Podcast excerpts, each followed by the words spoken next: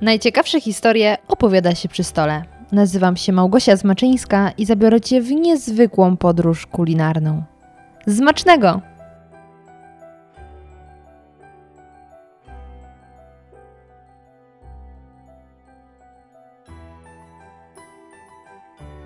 Nie ma najmniejszych wątpliwości, że najbardziej rozpowszechnioną kulturą na świecie jest kultura amerykańska. Mam tutaj na myśli to, że bardzo wiele rzeczy czerpiemy ze Stanów Zjednoczonych, zarówno jeśli chodzi o popkulturę, nowinki technologiczne, trendy, a także święta. I wystarczy tutaj wymienić chociażby Halloween czy też walentynki. Dlatego w dzisiejszym odcinku chciałabym pokazać Wam, że warto czasem sięgnąć do zupełnie innych krajów, do innych kultur i właśnie stamtąd zaczerpnąć nowych tradycji, zwyczajów i bardzo przyjemnych okazji do świętowania.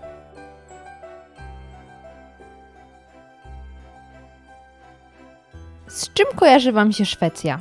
Z Ikeą, pulpacikami, Volvo, a może z potopem szwedzkim? Ja mam zupełnie inne skojarzenia.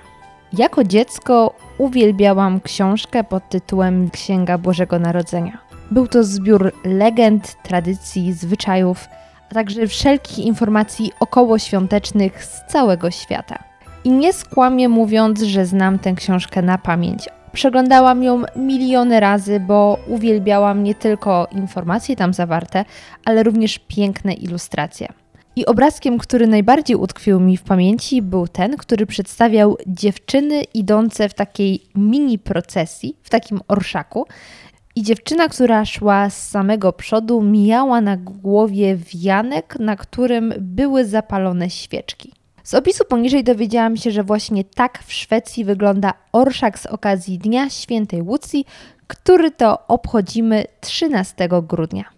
Na kolejnych stronach były również obrazki przedstawiające legendę o świętej Łucji, dlatego miałam świadomość, że takie święto jest obchodzone w Szwecji. Jednak nic więcej z tą wiedzą nie zrobiłam, aż kilka lat później zauważyłam w internecie przepis na bułeczki, które piecze się właśnie z okazji Dnia Świętej Łucji.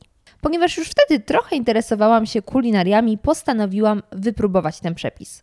Efekt był fantastyczny. Również moi rodzice byli zachwyceni tym smakiem, dlatego już każdego roku piekłam takie bułeczki. W tym roku 13 grudnia, czyli Dzień Świętej Łucji, wypada akurat w czwartek, czyli w dniu, kiedy publikuję nowy odcinek podcastu Zmacznego.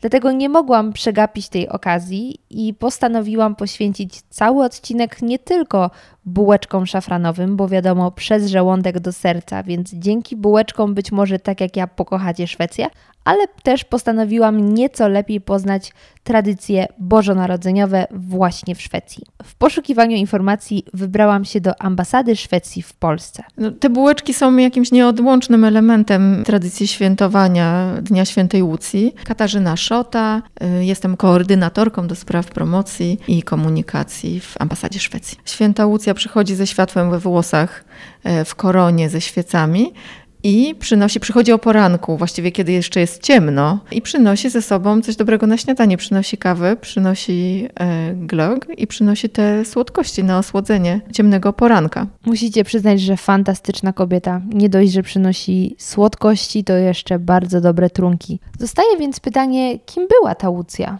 To jest taka tradycja, która jest i stara, i nowa, bo z jednej strony to jest takie pomieszanie tradycji, tradycji przedchrześcijańskich i chrześcijańskich.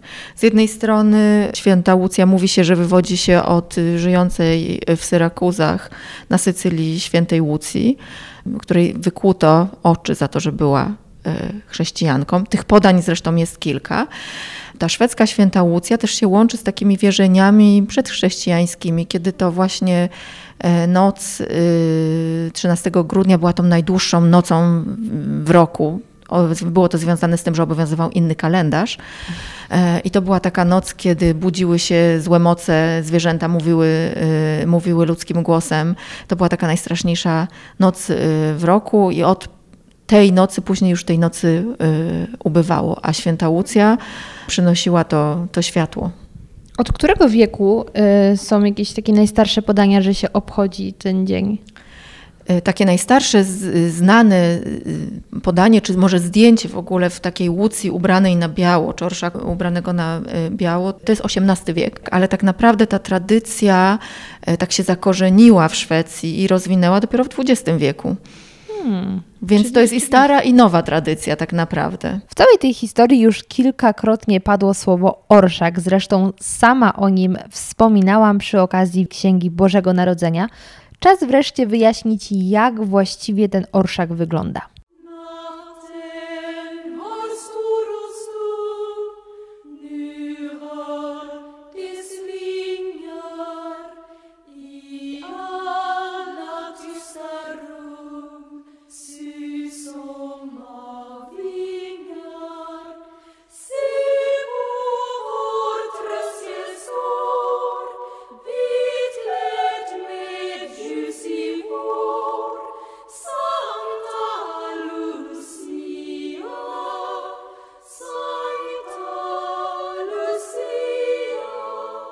Orszak świętej Łucji składa się zwykle z dziewcząt i chłopców.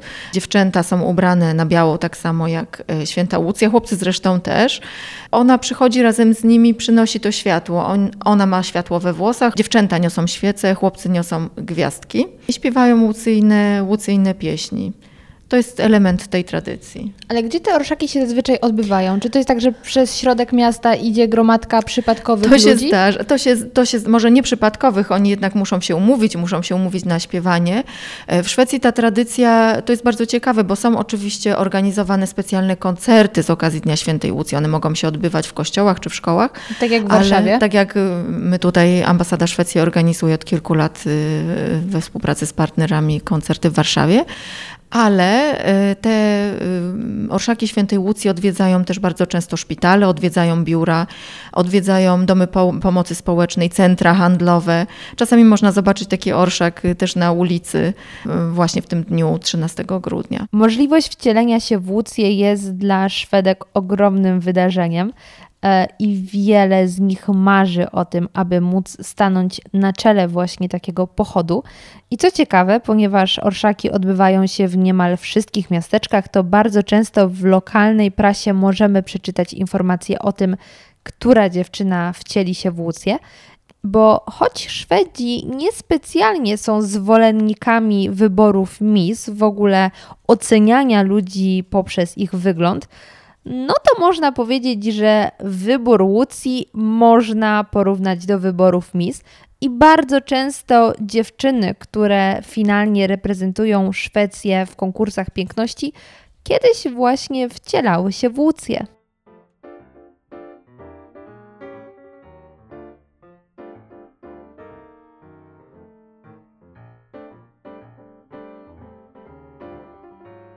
Orszak orszakiem, łucja łucją, ale umówmy się, jest to podcast kulinarny, więc jedzenie odgrywa tutaj bardzo dużą rolę.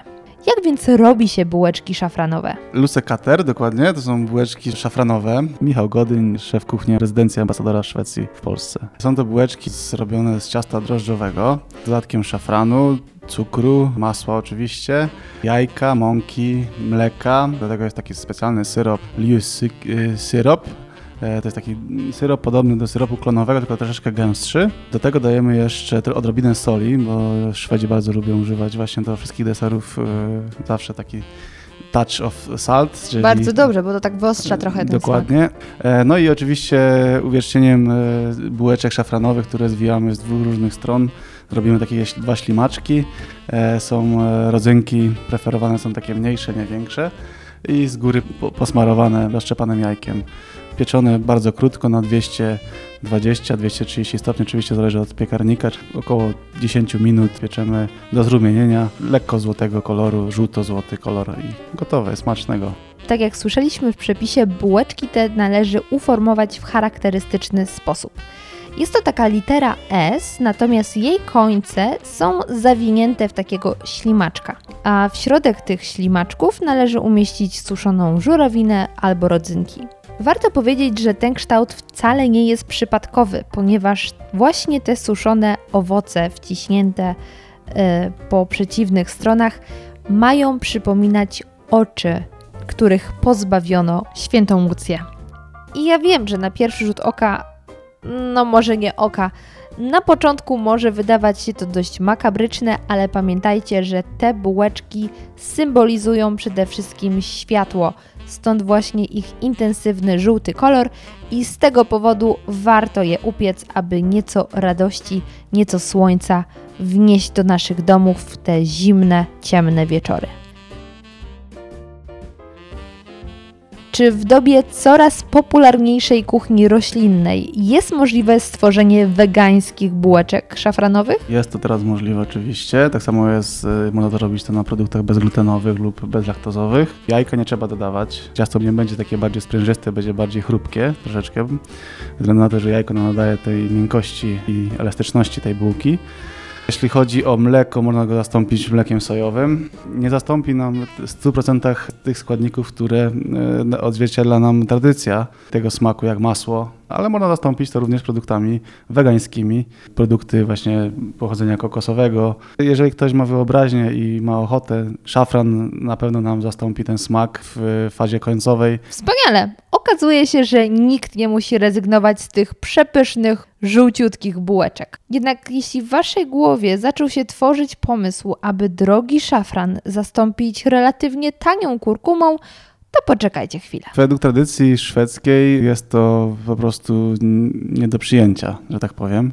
Szafran e, stanowi jeden z głównych składników jak kardamon e, w kuchni szwedzkiej, jeśli chodzi o desery, wypieki, jak i również wytrawne potrawy. Szafran no, nie może być oszukany, ponieważ kurkuma ma, jest, można powiedzieć, bezsmakowa a szafran ma swój specyficzny smak, który nam daje charakterystyczny smak podczas y, jedzenia. Jak jest ciepła bułka lub zimna, zawsze ten szafran jest y, wyczuwalny. Jeżeli się go da za mało, czuć, że te bułeczki nie są z szafranem, tylko po prostu są oszukane z kurkumą lub innym barwnikiem spożywczym.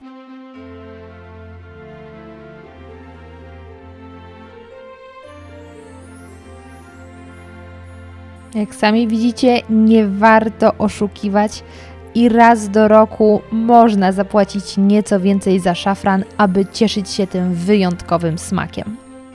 Przy okazji wizyty w ambasadzie postanowiłam nieco podpytać, jak wyglądają przygotowania do świąt w Szwecji. W Szwecji y, bardzo ważnym okresem przedświątecznym jest Adwent. Oczywiście teraz jeśli chodzi o handel i tę komercyjną stronę tego, to się zaczyna dużo wcześniej. Niemniej jednak po wszystkich świętych to jest święto trochę inaczej obchodzone w Szwecji, ale już gdzieś w listopadzie można pierwsze dekoracje świąteczne e, zaobserwować. Niemniej jednak ten taki ważny okres w Szwecji to jest, to jest Adwent, czyli cztery tygodnie w niedzielę, pierwsza niedziela Adwent Adwentu jest bardzo ważna. Wtedy rzeczywiście rozbłyskują już wszystkie, e, wszystkie dekoracje, nie tylko dekoracje miasta, ale też dekoracje w domach.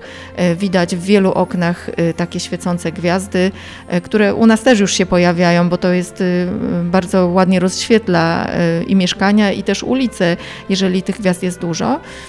I rzeczywiście od y, pierwszej niedzieli Adwentu ta świąteczna atmosfera się pojawia. Natomiast Łucja jest taką, takim nieodłącznym elementem tych przedświątecznych y, przygotowań i właściwie już od tego momentu to wszyscy już myślą o, y, o świętach. A ten Adwent poza tymi ozdobami jeszcze jakoś szczególnie się przeżywa?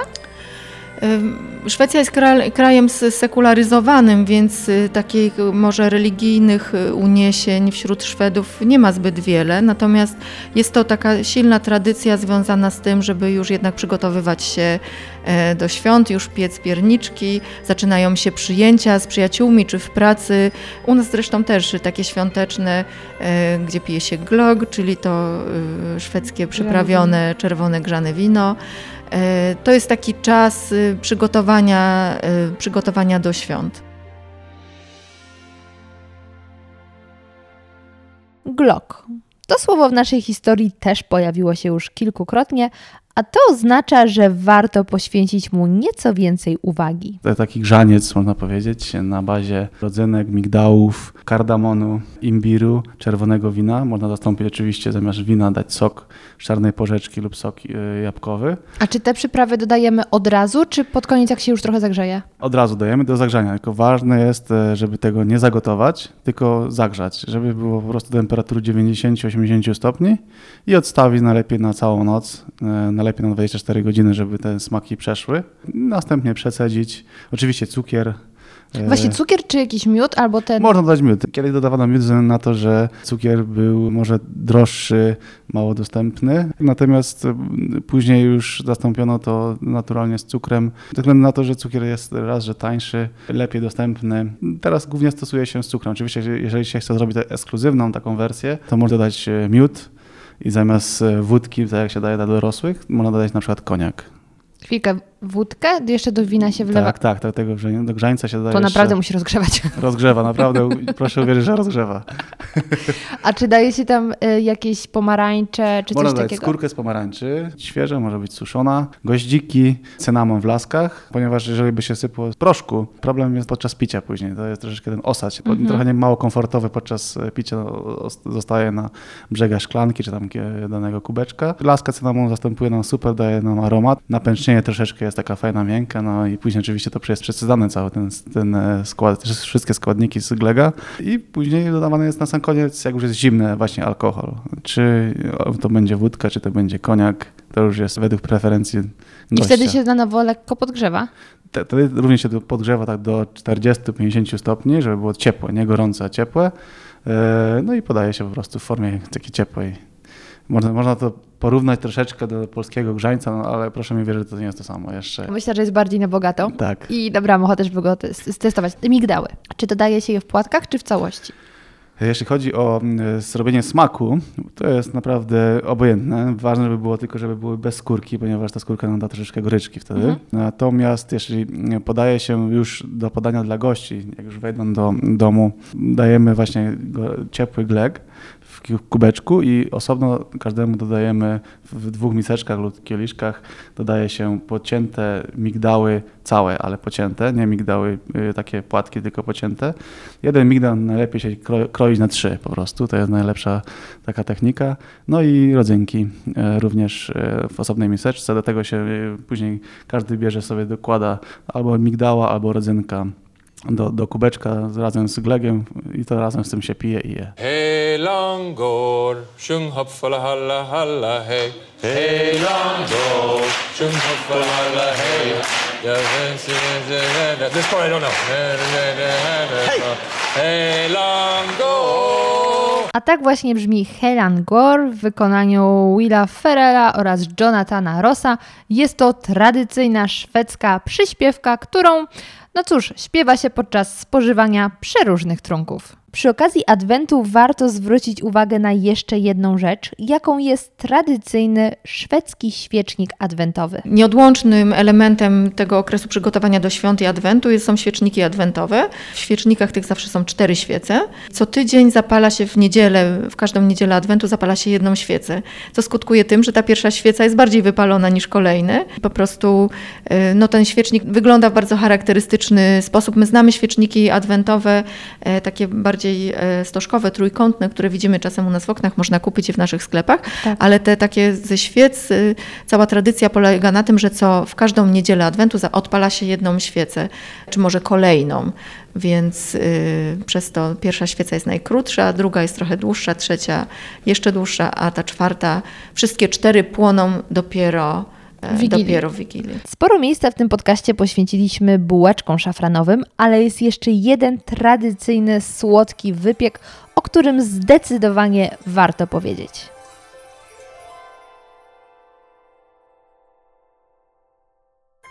Peperkoku, czyli takie ciasteczka e, imbirowe. Z tłumaczenia to jest jakby pieprzowe z pieprzem, aczkolwiek tu nie daje się pieprzu, a dodaje się imbir. Który jest też ostry. Tak, tak. Mhm. Imbir, kardamon, który su, oczywiście suszony imbir w tym momencie, nie świeży. Cynamon, również goździki zmielone. Są takie przyprawy korzenne, można powiedzieć, taki miks przypraw korzennych. Do tego jest znowu inny syrop, podobny do klonowego, ale znowu jest gęsty i ciemny. Do tego dodaje oczywiście się mąka, jajka. Co jest ważne, te pierniczki, które są właśnie w szwedzkie pierniczki, one się różnią od polskich pierniczków. Tym, że w Europie Zachodniej przeważnie pierniczki są e, grubsze i do tego troszeczkę bardziej miękkie. I nadziany często. Tak, jeszcze. tak, tak. A tutaj są znowu cienkie i bardzo chrupkie. Idealnie. Tak. Powinny chrupać, Tak, one uważam. są właśnie chrupkie, przez to, że tam dodaje się też sodę, troszeczkę są e, chrupiące i naprawdę są niezłe, ponieważ można je dekorować, tak jak to jest w różnych fajnych książkach czy filmach pokazane. I domki No. też można, tak? I to domki, właśnie z tak. tych budow, buduje się z tej- domki. Podobny właśnie cia- ciasto jest robione z pier- ciasta piernikowego, domki. E, Teraz już można w takim słynnym sklepie kupić już Ikei? z, dokładnie e, gotowe szablony domków, których można dekorować na własne domy. Naprawdę jest to fajna zabawa. Skoro już dokładnie wiemy, jak w Szwecji wygląda Adwent, teraz zobaczmy, jak obchodzi się już te najważniejsze dni, czyli same święta. Myślę, że podobnie, tak jak w Polsce jednak Wigilia i w Wigilię rzeczywiście też y, spotykają się rodziny, je się kolację wigilijną. Ona wygląda trochę inaczej niż u nas, bo je się mięso. Oczywiście w tym momencie w Polsce również można jeść już mięso. Post został zniesiony, ale tradycyjna polska wigilia jest jednak bezmięsna.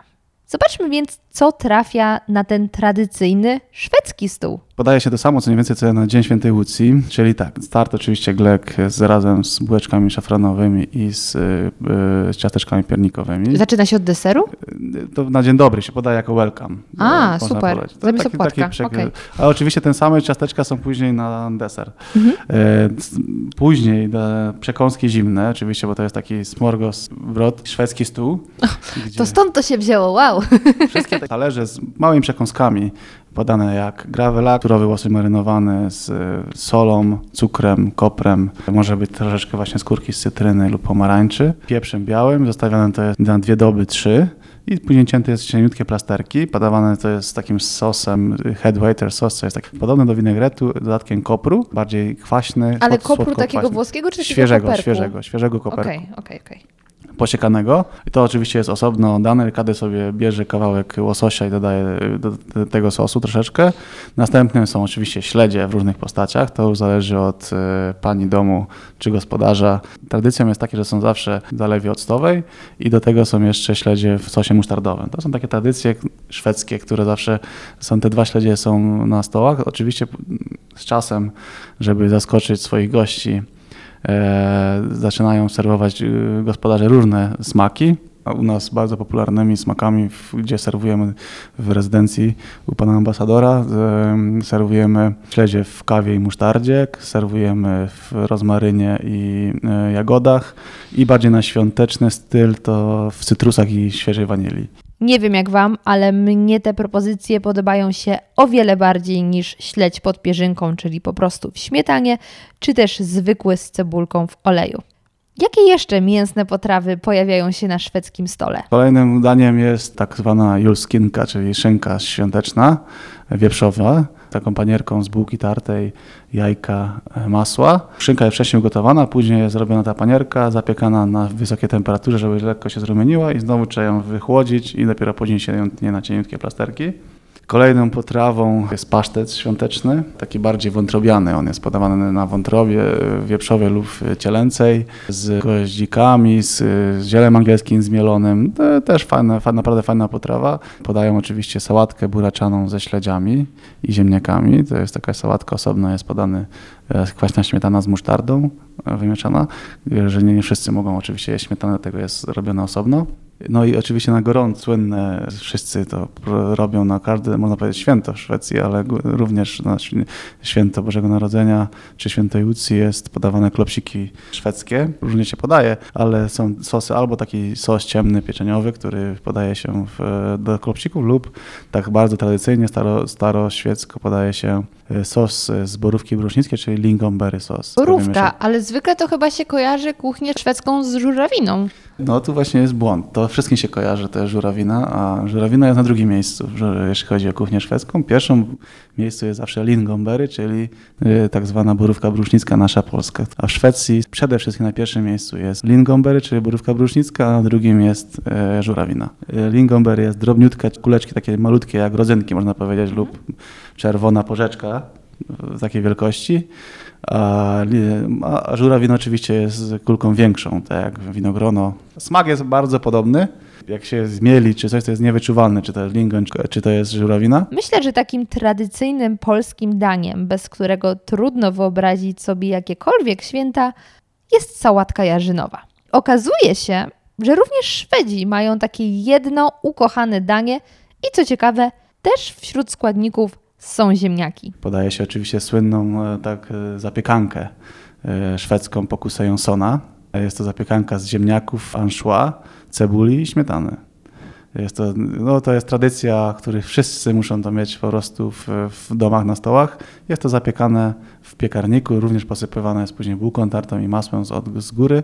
Każdy musi mieć w domu klopsiki i, i pokusę Jonsona. Skoro główny posiłek mamy już za sobą, to oczywiście przyszła pora na prezenty. Pytanie tylko, kto je przynosi? To jest Mikołaj, tak. Y, Mikołaj taki y, skandynawski y, Mikołaj Tomten. A czy ten Mikołaj pochodzi z Laponii, czy jako, że to jest Finlandia, to nie? Mam wrażenie, że nikt tego tak nie roztrząsa do końca. To jest y, y, Mikołaj taki krasnal nordycki. Y, bardziej jest może zbliżony do, do nordyckiego krasnala niż takiego może wyobrażenia, które jest u nas. A o tym skąd wziął się wizerunek obecnego Mikołaja mówiłam w ostatnim odcinku. Coca-Cola Firma produkująca gazowane napoje stworzyła wizerunek świętego Mikołaja, który znają ludzie na całym świecie. Co by się wydarzyło, gdyby Coca-Cola w 1931 roku nie stworzyła tego Mikołaja? Jak on wyglądałby dziś? No właśnie. I tutaj zaczyna się najciekawsza część.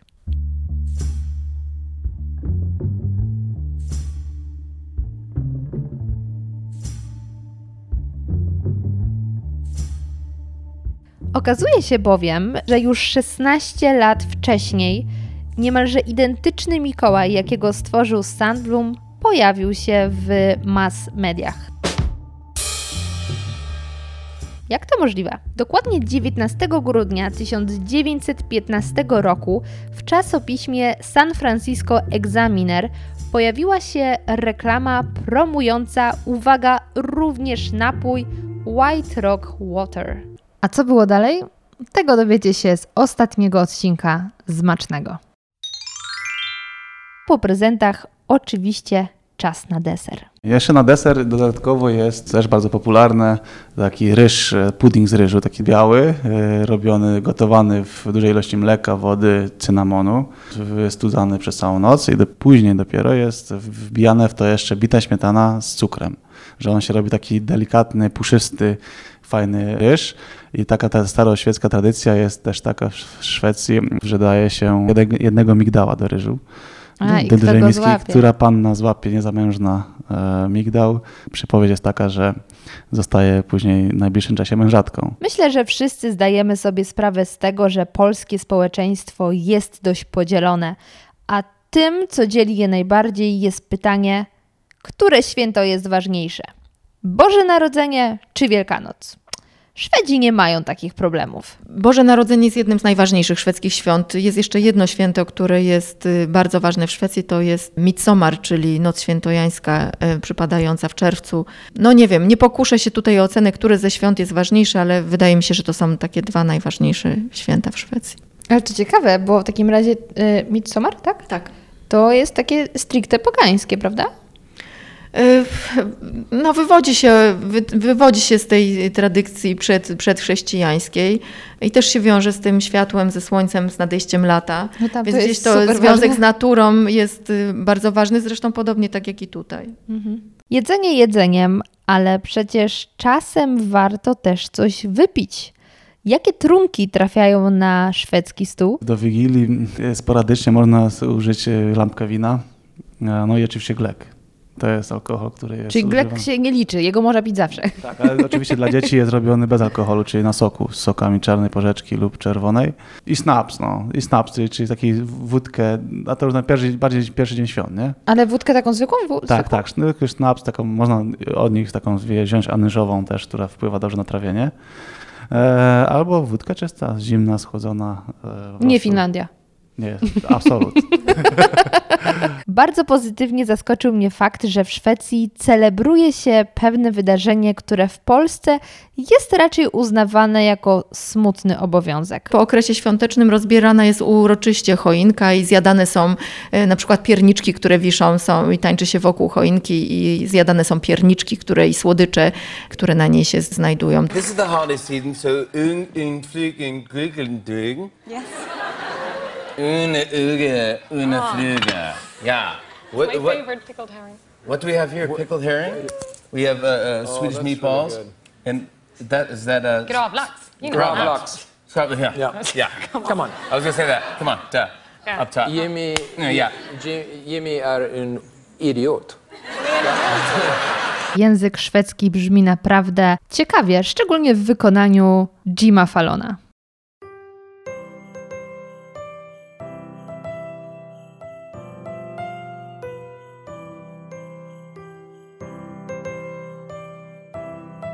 Myślę, że przyznacie mi rację, że szwedzka kultura i szwedzkie tradycje są naprawdę wspaniałe, dlatego trudno jest mi zrozumieć, dlaczego na przykład Dnia Świętej Łucji nie obchodzi się na całym świecie. Tutaj trudno jest mi się wypowiedzieć, nie jestem kulturoznawcą, natomiast y, być może wiąże się to z tym, że szwedzka, czy też może nordycka, skandynawska noc jest bardzo długa y, i ciemna. Jest to okres, kiedy rzeczywiście potrzebny jest ten czas, y, to światło, to rozświetlenie i jest to związane na pewno z tą potrzebą światła i oczekiwaniem na to, e, na to światło. Ta tradycja obchodzenia Dnia Świętej Łucji jest chyba najsilniejsza w Szwecji, ale też się przeniosła do, do innych krajów skandynawskich, więc wiąże się to na pewno, e, na pewno z klimatem i tym panującą, panującą ciemnością e, w tych miesiącach, miesiącach zimowych. I to wszystko, co dzisiaj dla Was przygotowałam. Jeśli chcielibyście spróbować bułeczek świętej Łucji, czyli bułeczek szafranowych, to gorąco zapraszam Was na stronę zmacznego.com. Link znajdziecie w opisie odcinka.